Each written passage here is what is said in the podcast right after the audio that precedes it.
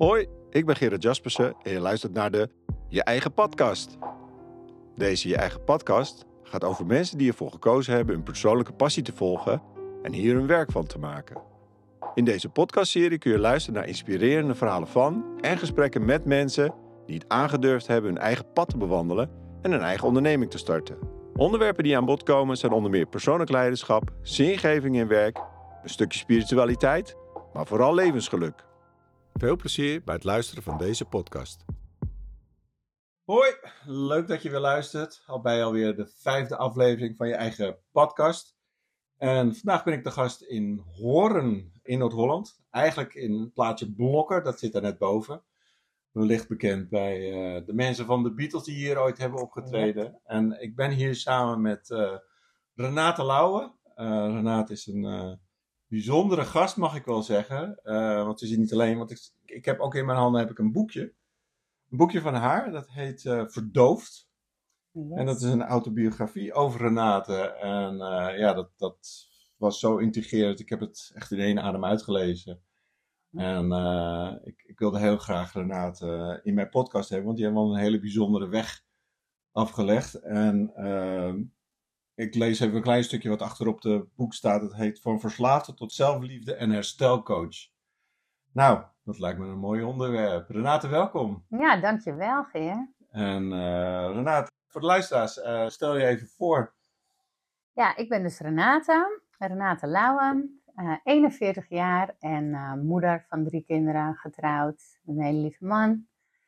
En inmiddels dus uh, een aantal jaren herstelcoach in de verslavingszorg. Dus ja. specifiek, specifiek echt met herstellende verslaafden aan het werk. En inmiddels is dat wel wat uitgegroeid tot veel groters. Maar uh, dat was wel uh, het grootste thema. Ja. Ja, dat is een beetje het, het eindpunt ja. van jouw pad in ieder geval. Maar het Absoluut. is ook ergens een keer begonnen. Ja. Waar is jouw pad begonnen?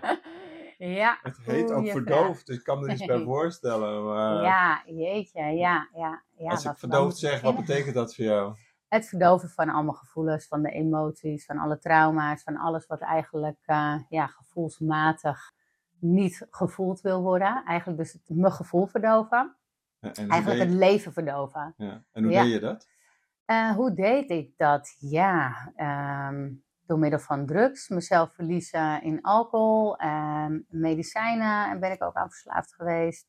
Nou ja, eigenlijk alles wel. Het was eigenlijk het een vervangen voor het ander. Dus als ik een uh, periode geen alcohol dronk, want ik was geen wekelijkse of dagelijkse drinker.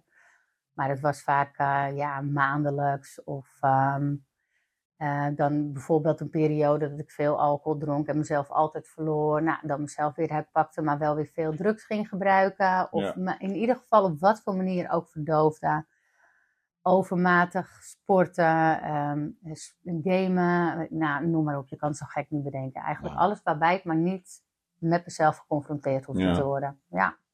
Maar hoe is dat ooit zo gekomen dan? Want... Ja, Um, nou, sowieso ben ik opgegroeid in een gezin met een verslaafde moeder. En okay. verslaving was wel echt een thema bij ons in de familie, van generatie op generatie. Ja. Dat heb ik uiteindelijk natuurlijk uitgezocht, hè, van hoe zit dat nou precies. Um, mijn broer, die had op een gegeven moment een uh, hele zware verslaving. Uh, die was cocaïneverslaafd en die was echt een dagelijkse gebruiker. Die heeft een klinische opname gehad. En door hem besefte ik eigenlijk dat ik dacht van, hé, hey, wacht even, hij kwam die opname uit en nou, we raakten heel veel in gesprek erover. En toen dacht ik, hé, hey, dat heb ik ook, dat heb ik ook. Maar ik was een functionerende verslaafde en ik had een eigen bedrijf, een eigen kapperszaak. Ik had mijn gezin. Ik had, uh, nou ja, eigenlijk een, een heel vrij normaal leven, alleen een dubbel leven. Want daarnaast verdoofde ik mezelf dus ook heel veel. Alleen kwam ik daar steeds meer achter? Ja, naarmate ik wat ouder werd. En het komt bij ja. ons wel echt uit een onveilige jeugd. En uh, ja, ook veel meegemaakt, veel trauma's en veel shit en ellende. En dat uiteindelijk uh, ja, een opeenstapeling van. Niet meer willen voelen en vastzitten in die cirkel. En er niet meer uit kunnen komen zelf. Dat is best heftig. Nou, dat was zeker heftig, ja. absoluut, ja. En hoe ben je dan als eer in aanraking gekomen? Dus ik bedoel... Ja, um, ik was 16. Toen ging ik naar mijn eerste hardcore feest. Ik weet het nog als de dag van gisteren. Overigens was het fantastisch. eerlijk is eerlijk. Ja. Die ging naar Thunderdome en eh, met een uh, ja, groepje vrienden en vriendinnen van school. En hun gebruikte drugs. En um, nou ja, dat was mijn eerste aanraking met een pilletje en ook met een snuifspeed. Dat heb ik die avond ook gehad. Ik heb de meest fantastische avond van mijn leven gehad. En um, eigenlijk besefte ik, als ik zeg maar nu terugkijk, besef ik me dat daar al van wow, dit is zo, dat, het, dat gevoel was zo bijzonder en fijn. En ja, dat ging steeds vaker en vaker en vaker. En ehm, dat was echt mijn allereerste aanraking. Maar dat het echt problemen ging geven, ja. dat is denk ik, ja, ik denk dat ik een beetje zo. Ik, ik was altijd een, een veelgebruiker. Altijd. Met, Als laatste, met alles? Ja, met alles. Uh, binge drinken deed ik. Dus, nou ja, binge drinken? Ja, binge drinken. Dat is eigenlijk in een korte tijd heel veel drinken. Um, dus ook qua snelheid en qua hoeveelheid. Niet stoppen, zeg maar. Dus um, uh, ja, binge drinken is dus echt in een korte tijd heel veel. Ik ken binge-watchen van ja, precies, series van ja. Netflix, maar nou, binge drinken, dat, is, dat, dat, dat, dat, ken ik nog niet. Absoluut, is ook een, uh, ja, een, uh, een stukje vanuit de verslavingszorg. Ja. Wat heel veel, heel veel verslaving. Maar dat, dat, dat deed jij dus? Ja, dat deed in ik. In korte tijd heel veel Ja, drinken. Ja, ja, ja. En ook periodes dan niet. En dan deed ik, als ik dan weer ging drinken, dan deed ik al heel veel. Maar niet alleen drinken, ook met gebruiken. Als ik naar een feestje ging, dan was het altijd, nou weet je, waren misschien sommigen een halfje of uh, twee, nou, of één. Of, uh, nou ja, een halfje bedoel je, een ja, pilletje? Ja, of, pilletje. Ja. Of misschien een paar snuifjes. Bij mij was het altijd meer, meer, meer. Ik moest ook altijd, voelde ook echt dat ik meer mee wilde hebben voor de zekerheid. Maar achteraf is het natuurlijk hartstikke ziek, slaat nergens op. Voordat je Bang. van huis wegging, Ja. je had altijd, Ja, was altijd bang dat ik tekort je had. kon de hele wereld wel voorzien eigenlijk. Absoluut, Ja. ja. serieus. Dat mensen ook wel zeiden van, hoezo? Weet je wel, ja, nou ja. Stel je nou voor dat je maar eentje bij hebt. Dat kan toch echt niet? Zo was wat, mijn wat hoofd. gebeurt er dan? Wat, was dat dan angst? Of? Ik denk het wel, ja. Want ehm, ja, achteraf gezien, weet je, was het ook gewoon als waar mensen stopten, ging ik nog door. Ik stopte niet. Dus ehm, dat was het waarschijnlijk ook, hè, van oh jee, de drang, het, of de, het, het idee, nou, de drang om te moeten gebruiken, maar ook eh, het idee erachter van als je het niet meer zou hebben, zeg maar. Ja. En de ziekte van meer zit daar ook wel achter. De ziekte van meer. ja, altijd maar meer, meer, meer, meer willen hebben. En zeker wanneer je begint, of wanneer ik begon eigenlijk, dan ehm, had ik wel echt het idee dat ik altijd eh, ja, meer wilde. Je, je, had, je had het net over, ja, ik, ik, ik was een functionele gebruiker volgens mij. Of een hoe, fu- ja, een functionerende. Ja, functionerende gebruiker. Hoe kun je functioneren Ja. met zoveel gebruik? dat is bizar. Dat vraag ik mezelf ook af en toe nog wel eens af. Maar eh, Hoe heb je dat gedaan? ja, dat vraag ik me nog steeds Ja. wel eens af. Ja. Hoe heb ik dat gedaan? Het was eigenlijk heel bizar, want ik gebruikte vaak op eh, nou ja, momenten dat bijvoorbeeld mijn man weg was, aan het werk was, of eh, dat ik zonder de kinderen was. eh, Je, je gebruikte terwijl je ook al een gezin had. Ja, ja, ja, zeker. Ja, Oh. ja. En dat deed ik dan ja, eigenlijk naast het normale leven. Dus vaak als de kinderen s'avonds op bed lagen. En, of als mijn man avonddiensten of nachtdiensten had. Of ja, echt het bizarre. En ook naar feestjes of partijtjes bleef ik maar doorgaan. Dan, en dan was het misschien niet in alcohol of drugs. Maar dan was het wel in het verdoven met medicatie. Want ik ben ook heel lang eh, medicijnverslaafd geweest. Dus echt de pammetjes en eh, dat soort eh, ellendige dingen waar ik heel Slaapmedicatie. ook, deed ik ook. Maar ook ja, die pammetjes voor overdag, om maar een beetje mijn gevoel een beetje te kunnen verdoven. Of juist weer mijn idee erachter was om te kunnen functioneren. Ja. Ja, het is echt bizar, maar het is de omgekeerde wereld. En als ik dat dan niet nam, nou ja, dan was ik vaak ziek of ik voelde me eh, ja, gewoon onrustig en niet lekker. En als ik gebruikte, en het maakte niet uit wat ik gebruikte, hè, dus of het alcohol was, medicatie, drugs, eh, nou, noem maar op. Als ik da- da- daar in die flow zat, dan voelde ik de rust over me. Maar ja, dat is Ja. ook logisch, want het is Ja. natuurlijk die onrust in mijn hoofd, kon ik niet, eh, daar kon ik niet mee omgaan. Gevoelens, emoties, dat soort dingen, dat was voor mij ja, onbekend terrein, zeg maar. En als ik dat wel voelde, wilde ik dat niet voelen. Want dat was natuurlijk eng. En, en wat voor gevoelens waren dat dan, emoties? Ja, Want je was aan het angst. vluchten. Ja, waar, waar vluchtte je voor? Weet je dat? ja, achteraf weet ik dat wel doordat ik heel veel traumawerk heb gedaan. En eh, ja, ook heel veel processen en heel veel therapieën. En nou ja, noem maar op. Het is wel een heel proces geweest. Ehm, het is een stukje vluchten voor ehm, de angst. Angst voor het normale leven. Hè? Het, gewoon zijn met wat er op dat moment is. Mhm. Maar ook gewoon eigenlijk een stukje ja, machteloosheid, denk ik, over ehm, hoe ga je om met het leven. Ik, was, ik ben eigenlijk mijn hele leven gewend om in verslaving te zijn. En dan hoeft het niet eens te zijn in actieve verslaving, maar wel altijd gedrag erachter. Want ja, 20% is het mail en 80% is het gedrag erachter. Okay. En het gedrag wat ik vertoonde, was ook echt verslavingsgedrag. Altijd maar willen vluchten voor de werkelijkheid. En ik denk dat daar een heel, heel groot stuk angst, onzekerheid, boosheid ook, verdriet, heel veel verdriet. En ja, ook het, stukken vanuit mijn jeugd, het niet gehoord en gezien worden. Ehm, dat soort dingetjes allemaal, ja. ja. Heeft jouw ouderlijke gezinssituatie mm daar echt ook een, een, rol in gespeeld? Absoluut. Je zei, ik ben niet gezien. Ja, en, absoluut. Ja. Hoe was jouw band met, met, je, met, je, met je moeder, met je broer? Heel goed. En dat is het grappige. Als ik terugkijk naar ons gezin, dan is eigenlijk, ons gezin was heel liefdevol. Maar er zat ook een zwart stuk achter. Want mijn moeder, die was dus een verslaafde. Maar mijn moeder was ook een binge drinker. Dus mijn moeder was ook niet een ah. dagelijkse verslaafde. Maar mijn moeder deed één keer in de zoveel tijd. Hè, dan ging ze helemaal van God los. En dan... Uh, dat zagen jullie ook?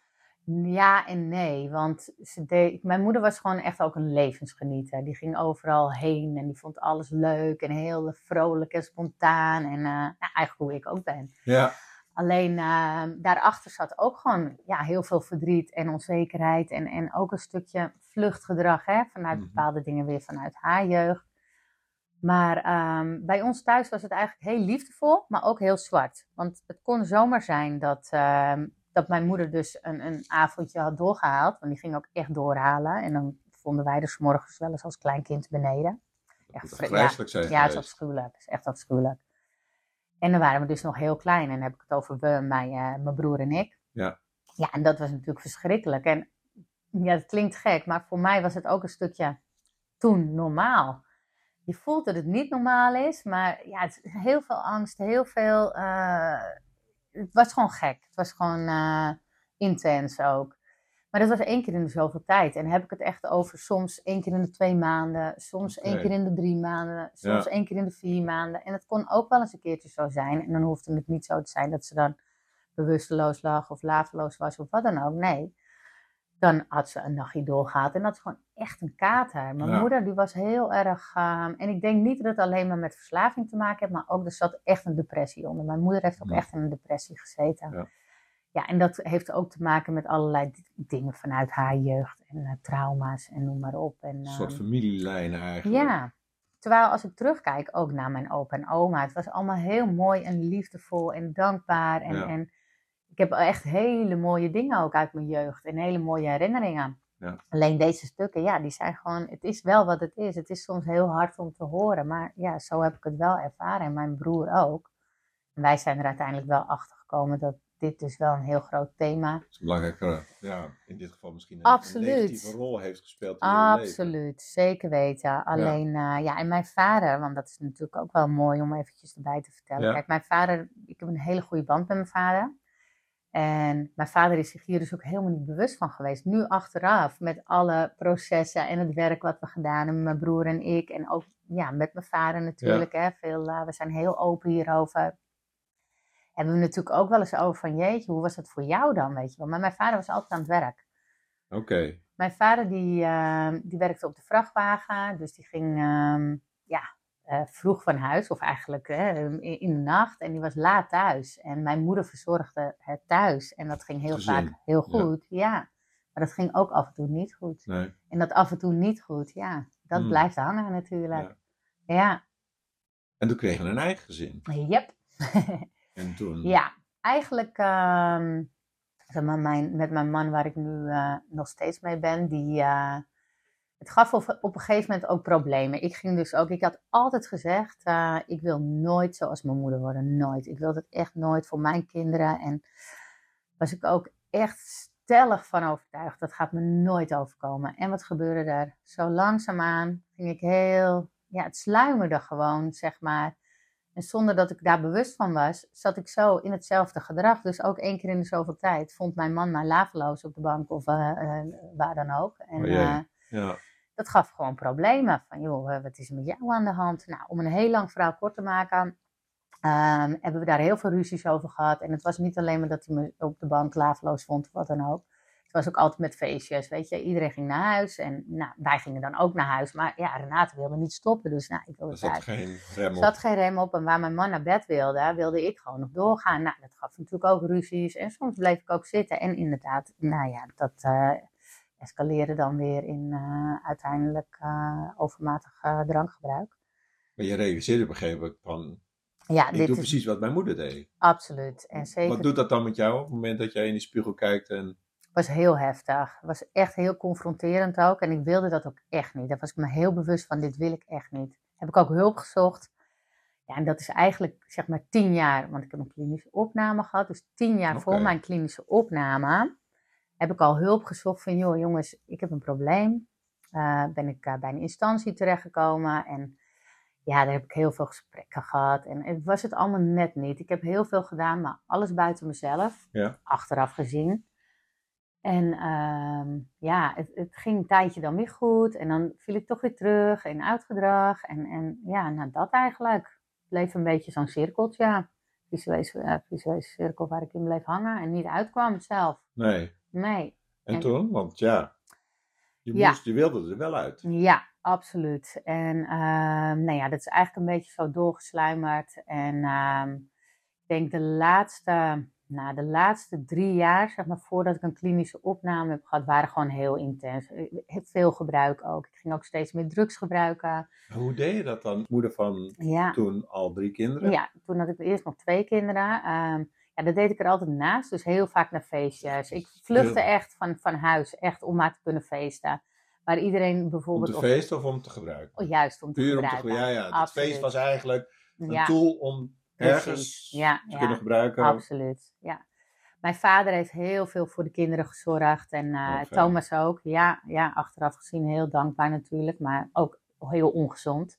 Hè? Want ik was natuurlijk altijd weg. En, eh, ja, en daarnaast eh, ook heel vaak ziek, zwak en misselijk. En eh, ik had van alles wat. En, eh, maar ik, ik vond altijd wel een weg om, om te kunnen vluchten.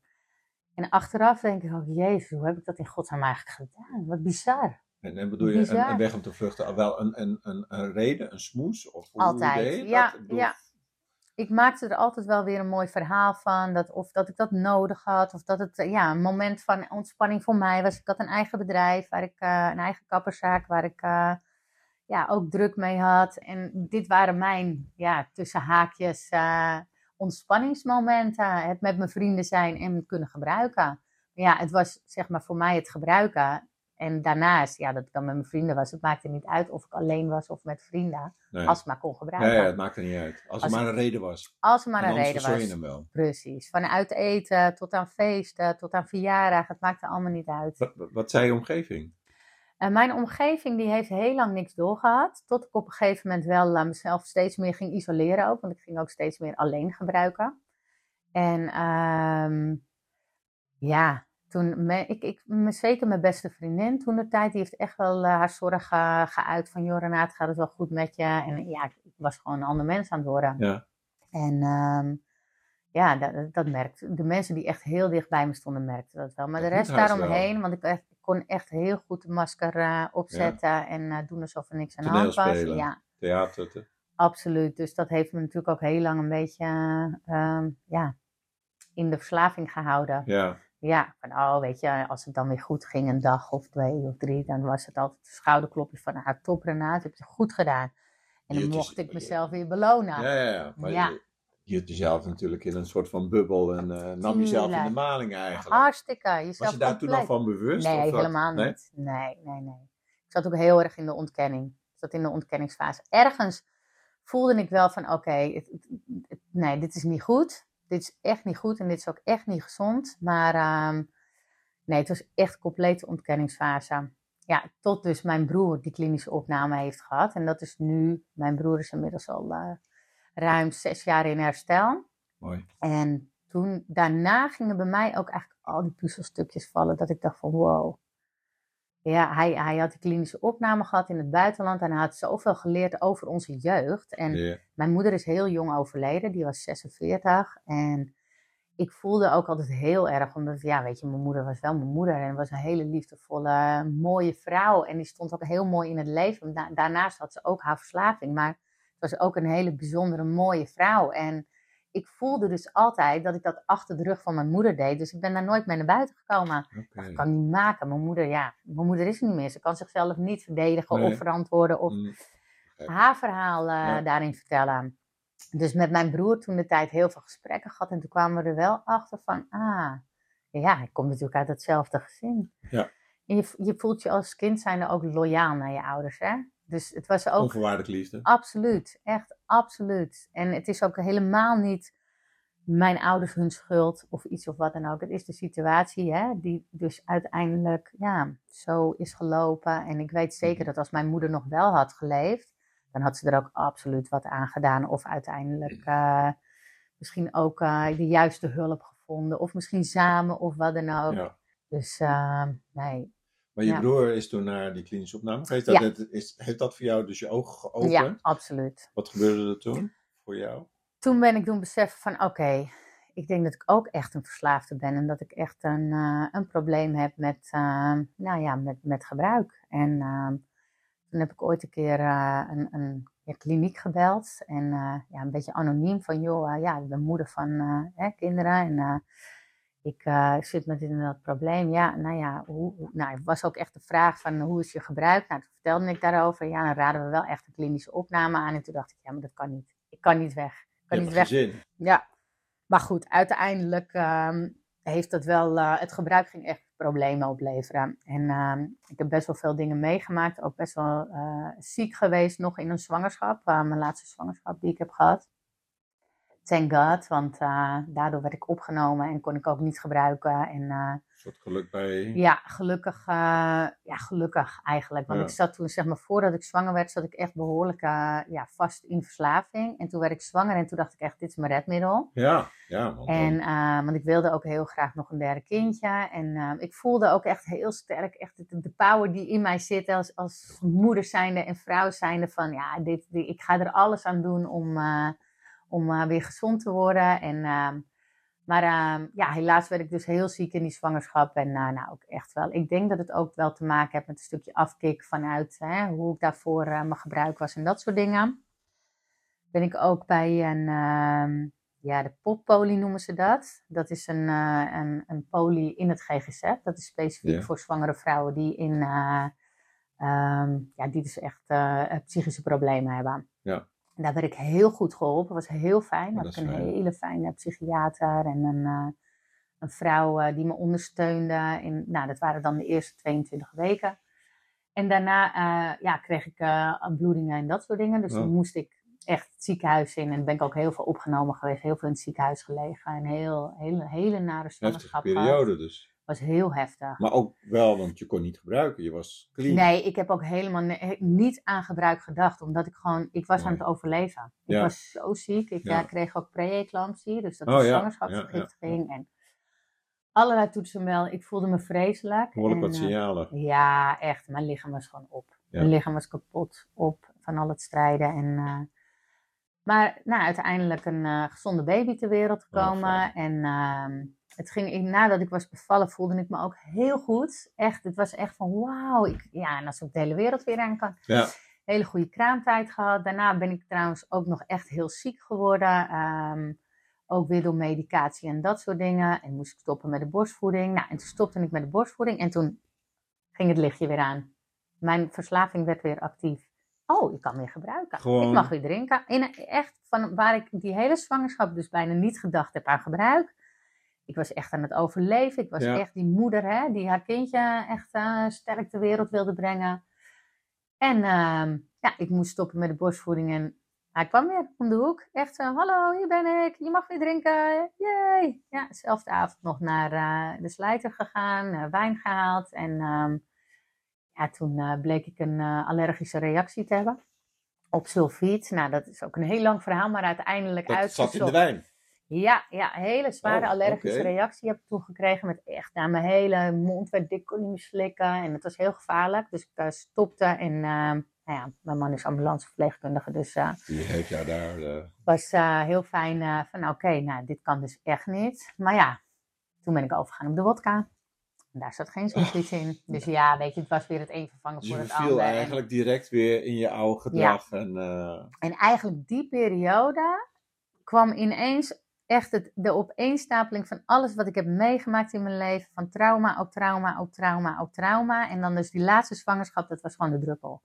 ja. Die de emmer deed overlopen. En toen ben ik echt, echt heel volop in gebruik gegaan. Ook echt heel veel. Terwijl je ja. jonge moeder was. Absoluut. Ik had En- een babytje van een paar maanden. En ehm, ja, het is echt bizar. En als je nu terugkijkt naar die periode. Ja, heel heftig. Ja, dat is wel echt heel triest. Ja. Als ik daarna terugkijk, denk ik echt, oh ja, dat was ik echt niet. Ik was compleet overgenomen door Ongelooflijk demonen bizar, of weet ik veel wat. eh. ja, en thank God, mijn man die heeft eh, altijd het echte zorg op zich genomen. En mijn vader. En, en Ah, ja, want ik kon nog verschuilen onder dat ik ziek was vanuit mijn verslaving en dat ik nog moest herstellen. Maar ik was eigenlijk ook gewoon volop in gebruik. Dus je misbruikte eigenlijk Juist. dezelfde situatie. Heel erg daarin weer allerlei Heel ziek. dingen erbij gehaald. Heel ziek. Ja, en heel verwonnen. En liegen, bedriegen, manipuleren. Ik zat helemaal vast in mijn eigen waanzin, want het is echt de waanzin van verslaving. Ik zat, er ook, ik zat er ook echt helemaal in. Ik geloofde ook echt dat als ik niet gebruikte, dat ik dan eh, nou ja, heel ziek zou worden. Maar het was eigenlijk de omgekeerde wereld. Ja. Want ik was gewoon ziek in mijn hoofd, dat ik dus gebruikte en dat ik dacht dat ik daar dan op kon functioneren, dat ik Ja. het nodig had. Ja, het is echt bizar. En nu achteraf, ja, weet je, kijk ik daar natuurlijk wel ehm, heel anders naar. En ja, ja, het, is, eh, het is een onderdeel uit mijn leven. En ehm, ik heb het allemaal omgekeerd. En ehm, ja, daar ben ik heel dankbaar voor natuurlijk. Maar dat heeft wel wat voeten in de aarde gehad. Dus ik ja, heb hoe toen. ben je uiteindelijk zo ver gekomen? ja, mijn man ging bij me weg met de kinderen. Die zei Oh. echt, ja, het is zo van de een op de andere dag. Er was weer wat gebeurd. En ehm, ik wist iets niet meer. Het was ook echt maar rock bottom. Hij vond mij, ehm, ik, nee, het was die nacht heb ik eh, lopen spoken. Ik had slaappillen genomen en ehm, ja, op die slaappillen ben ik dus blijkbaar uit bed gegaan, ben ik gaan lopen spoken. En ja, ik wist de volgende ochtend helemaal nergens meer van. En hij confronteerde me daarmee van, dit is echt de druppel, Renaat. Ik ga je bij je weg, het is hier niet meer veilig. Ik ga met de kinderen weg en je zoekt het maar uit. Zo, Toedeledokie. in your face. Ja, was vlak voor kerst, 24 december was het. Ik vergeet het nooit meer. En toen zat ik daar in mijn eentje thuis, helemaal naar de get ver. En ehm, ja, dat was echt heel intens. En dat was ook echt voor het eerst dat ik voelde van... Oké, ik heb echt heel dringend hulp nodig. Ik ben eh, na de kerst naar de huisarts gegaan. Ik heb ook echt gezegd van ja, weet je, eh, ik heb hulp nodig. En wat het is, is het. Nou ja, uiteindelijk heeft me dat eh, tot een klinische opname geleid. Heel goed. Ja, en dat tot op de dag van vandaag het allermooiste cadeau wat ik mezelf en mijn gezin heb kunnen geven. Mijn man die ging nog wel steeds, die wilde echt eh, bij me weg. En, eh, maar die had wel zoiets van, ja, we hebben samen kinderen. Dus we gaan kijken, eh, ik blijf het traject volgen en ehm, tot het weer veilig is voor de kinderen. En dan, ehm, ja, gaan we kijken hoe het verder, eh, hoe het verder gaat, eh, van dag tot dag. En ehm, Wat doet dat met jouw moederhart dan? ja, dat is verschrikkelijk. Ja, vier en een halve week in een klinische opname gezeten. Ik, eh, de kinderen mochten dan op zondag langskomen. En Sammy was nog geen eens één jaar. Nou, Oh. echt janken, tranen met tuiten. Het is Ja. echt verschrikkelijk. Maar ik besefte me wel echt van, ik moet dit doen. Want ik moet die rode draad voor mijn kinderen ook doorbreken. Het is gewoon genoeg. Het is genoeg. Het kan echt niet. Dit is gewoon hartstikke ziek en ik wil zo niet verder leven. En het had me hartstikke me dood geworden als ik zo door was gegaan. Als ik het zo beluister. Ja. Oeh, ja, echt. En ehm, ja, uiteindelijk dus die opname gehad. Het was heel zwaar, maar ja, ik voelde zo die power toen ook echt in me zitten van eh, een moeder zijn, het, het vrouw zijn, het vriendin zijn, het ook gewoon, ja, dat, dat gewoon het stukje in mezelf, hè, van, Mhm. van de liefde voor mezelf, die ik begon te voelen dat ik dacht van, oh ja, nee, wat doe je jezelf aan, joh, dat ben je toch niet waard, je bent veel meer waard. En ja, uiteindelijk heeft me dat ehm, tot een ehm, heel mooi boek geleid. Ja, nee, daar staat het ook zelfliefde. Ja, ja, ja. Dat, dat was Ja. dus- is dat een van je eerste stappen geweest? Weer van jezelf te houden. Ja, dat was eigenlijk, want ik heb die klinische opname gehad. En toen ik die klinische opname had, zat er een counselor tegenover me. Een jonge jongen waarvan ik dacht, jezus gast, uh, ga jij het mij allemaal vertellen, broekie? Maar die raakte me echt in mijn hart. Hij was ervaringsdeskundige en, en deze man die heeft, mij echt, die heeft me echt in mijn hart geraakt. En die kwam voor het eerst binnen. Ja, al die therapieën en die, die, nou, die gesprekken die ik allemaal daarvoor heb gehad, in die tien jaar daarvoor. Die was heel belangrijk. Ja, joh, echt. En uh, ja, dat is een hele, hele belangrijke ja, man ook in mijn leven geworden. Uiteindelijk ook met hem samengewerkt. En echt super mooi. Maar uh, ja, toen voelde ik ook echt dat ik dacht van oké, ja, een ervaringsdeskundige. Die kan iemand dus ook echt gewoon vanuit zijn eigen gevoel helpen, omdat hij het zelf ook heeft meegemaakt. En dat voelde ik zo sterk, die verbinding. Dat, uh, en dat heeft me echt, dat stemmetje in mijn hoofd heeft me ook echt gewoon uh, van hem, zeg maar, dat de dingen die hij zei. En hij, soms tot op de grond afgeboord, maar dat was echt gewoon heel hard nodig. Nodig, ja. Voor de verslaving, hè, maar dat is gewoon heel hardnekkig. Maar uiteindelijk heeft het me wel in herstel gebracht. Dus uh, ja, tot op de dag van vandaag nog heel dankbaar voor. Mooi. Ja. Had je het idee dat andere mensen die niet ervaring hadden met drugs of andere verslaving, dat die jou niet begrepen? Niet in mijn, uh, nee, niet in mijn geval. Ik, uh, hele lieve mensen hoor. En echt, uh, ik heb hele fijne gesprekken gehad, maar dat heeft me nooit echt tot in de kern het diepste van mijn ziel geraakt. Nee. Deze counselor, ja. die, kon dat, die heeft jou eigenlijk... Ja, die heeft me echt in herstel gebracht, ja. Met ups en downs uiteraard, maar... Uh, dat zal niet te makkelijk, nee. dat gaat niet zomaar... Het is een behoorlijke reis geweest, ja. Ja, hoe lang ben je daarmee bezig geweest? Ja, joh, jeetje. Nou, als ik nu uh, terugkijk, is dat, uh, ik denk ruim vijf jaar geleden. Dat die, ja, denk vijf Je bent nu? Vijf jaar. Vijf jaar geleden dat ik die klinische opname heb ja. gehad. Kijk, en die tien jaar daarvoor heb ik echt, want dat is echt wel een proces geweest hoor. Ik weet zeker dat daar ook echt kleine stukjes van zijn meegekomen in uiteindelijk het hele proces in de klinische opname. Ja. De klinische opname was gewoon knijterhard. Uh, ja, echt op het. Uh, op, ja, heel veel stukken. Echt heel bizar. Ook hoeveel uh, um, ja, therapie en coaching je krijgt in een kliniek. En je wordt echt geconfronteerd met je verslaving en met jezelf. En je gaat ook echt naar, naar terug in je jeugd en verder. En dat soort dingetjes allemaal. En, en ik denk ook zeker dat die tien jaar daarvoor echt absoluut wel uh, daaraan heeft meegedragen. Ja. Um, ja, dus nee, ik, uh, inmiddels vijf jaar geleden, ja. En ik ben nu uh, ja, ook alweer een paar jaar zelfherstelcoach. Ik ben me dus door deze situatie ook, dat ik voelde van, oké, okay, ik ben ook ervaringsdeskundige. Ja. Ik kan dus misschien ook wel andere mensen hiermee helpen. Ja, dat, dat, dat voelde ja. je zo. Want je hebt het nu zelf ervaren natuurlijk door Absoluut. je eigen counselor. Ja, ja, en de hulpverlener heeft altijd wel in mij gezeten. Alleen ik heb nooit het idee gehad van daar ga ik wat mee doen. Maar op een gegeven moment was ik ook niet meer gelukkig in mijn werk in het kappersvak. Want dat en... bleef, ja, nou ja, met, met tussenposes. Absoluut, ja. ja. En toen heb ik op een gegeven moment uh, in, een, uh, ja, in een therapievorm ook uh, ja, eigenlijk een beetje ben ik uit gaan zoeken van, nou ja, waar ligt nou, waar ligt echt mijn passie? Hè? Wat Ja, zou ik nou echt willen? Waar word ik echt gelukkig van? Ik werd Ja. niet meer gelukkig van het kappersvak. Het was gewoon mijn werk. Ja. Terwijl ik mijn eigen bedrijf had. En ik had een goed lopende zaak. Ik had echt leuke klanten, maar ik ging echt ongelukkig naar mijn werk op een gegeven moment. En ehm, zeker toen ik echt heel veel op het gebied van persoonlijke groei en ontwikkeling ging doen, want dat was eigenlijk eindelijk ook het stukje in herstel komen, ging ik echt ervaren van, hé, hey, ja, ik wil, ik wil ook echt heel graag mensen helpen. Nou ja, dat ben ik dus in, een, ja, in therapie met mijn counselor toen de tijd. Ik ging uiteindelijk voor zichzelf werken. Na de klinische opname, toen ben ik bij hem in therapie gegaan. En wekelijks ging ik daarheen Ja. met heel veel gesprekken. En ehm, uiteindelijk heeft hij mij ook echt een beetje begeleid in het proces na. Dus ik ben er eerst gewoon echt goed in herstel gekomen. Ja. Eh, Het gaat niet zomaar. Oh, hey, ik ga nee. ook maar. Dat ga ik Nee. ook doen. Nee, nee, absoluut niet. En ook een clean tijd is ook echt belangrijk daarin. Hè? Want je kan wel clean zijn, maar uiteindelijk echt in herstel komen. Clean zijn is eigenlijk alleen maar van het middel afblijven.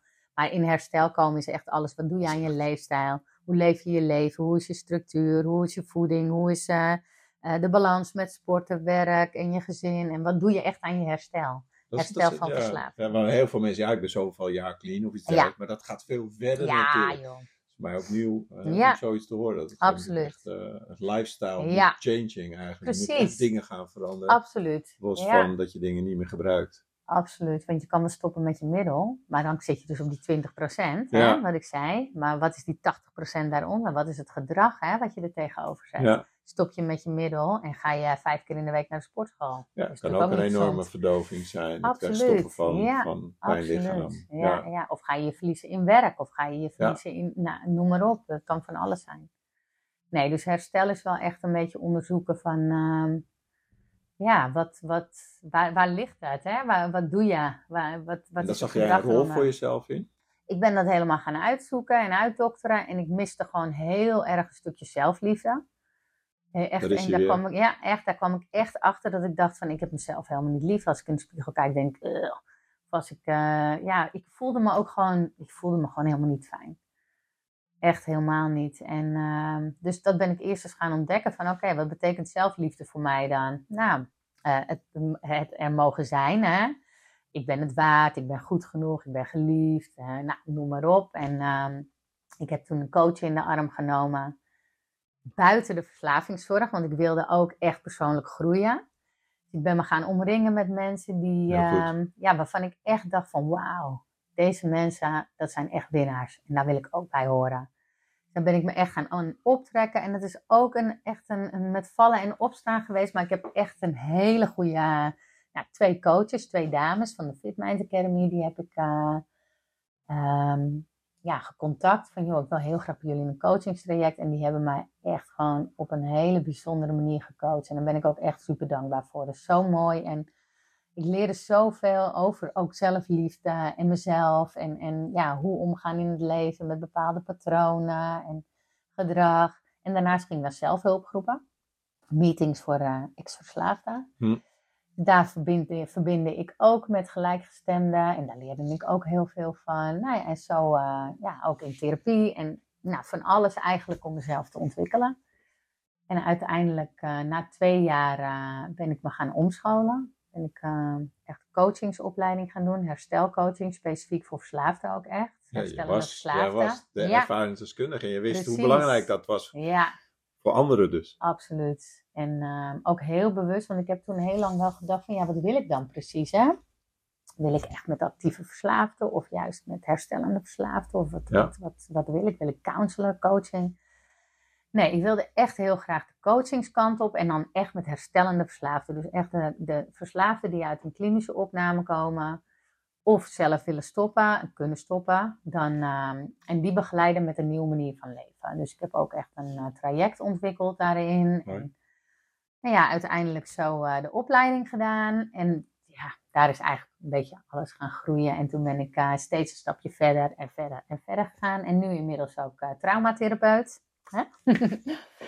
Echt fantastisch mooi werk. Want ik miste met de coaching, miste ik ook weer een stukje. Dus je bent echt aan het groeien en aan het Ja. bouwen binnen... binnen Ja. Ja, ja, ja.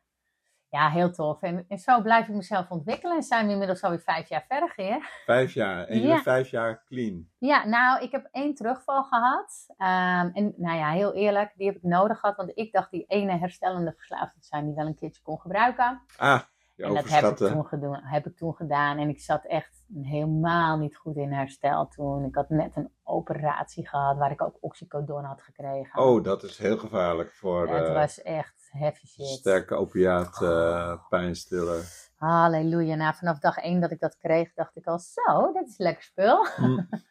Dus Ja. dat was niet best. Dus uiteindelijk heeft de huisarts me daarvan afgehaald. Maar uh, goed. ja, dat heeft me ook in een, in een terugval gebracht. Alleen die terugval die heeft me nog sterker in herstel gebracht. Van oké, dit, dit wil ik niet, dit kan ik niet. Ik ben gewoon een herstellende verslaafde. Die niet gaat gebruiken. Ja. En die ja, gewoon een clean leven verder gaat. En goed. gaat eh, groeien en eh, ja, trauma's aangaan. En, en blijft ontwikkelen. En jezelf eh Mooi.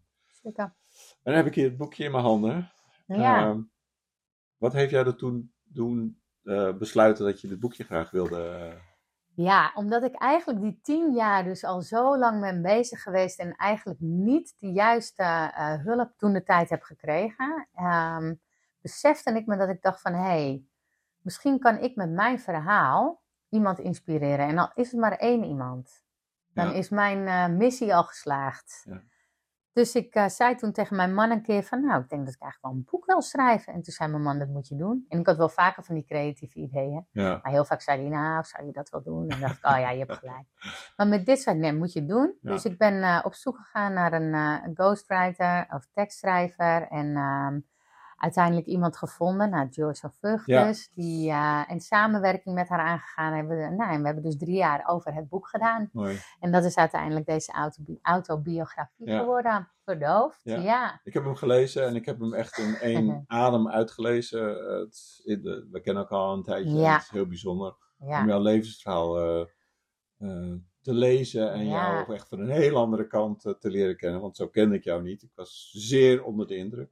Ja, Ehm, en eh, ja, echt een ongelofelijke weg die jij eh, hebt afgelegd. Ja. En, eh, maar tegenover zit mij in ieder geval een heel stralende, clean, ja, prachtige absoluut. jonge dame die ook moeder is. Dank En, je. ja, eh, echt een inspiratie is denk ik voor Ja. velen. Ehm, als mensen nou meer willen weten over herstel en herstelcoach, Mhm. verslaving.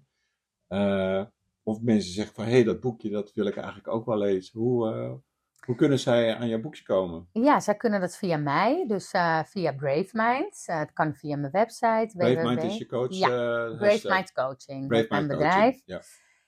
Mijn website is www.bravemind.nl. En het kan ook via Brave Mind Coaching Instagram, Renate Lauwen Instagram. Ze kunnen me gewoon een berichtje sturen en Ja. eh, met heel veel liefde ja, vertel ik kan me voorstellen over. dat veel mensen Ja. eh, misschien wel Ja, geïnspireerd absoluut. of geïntegreerd zijn door jouw verhaal. En misschien wel eens wat meer van jou willen weten. Ja. Ehm, dankjewel Renate. Voor Ja, jij bedankt. openhartigheid en je eerlijkheid. Want het is een heel bijzonder verhaal. En we hebben eigenlijk denk ik nog maar een heel klein stukje van haar boek besproken. Dus Mhm. eh, mocht je geïnteresseerd zijn, eh, ik zal het ook eventjes eh, onder de show notes nog eventjes zetten waar, eh, waar jullie dit kunnen vinden. Eh dankjewel. jij ook En bedankt. jullie bedankt voor het luisteren en tot de volgende keer. Dankjewel voor het luisteren naar deze Je Eigen Podcast. Tot de volgende keer.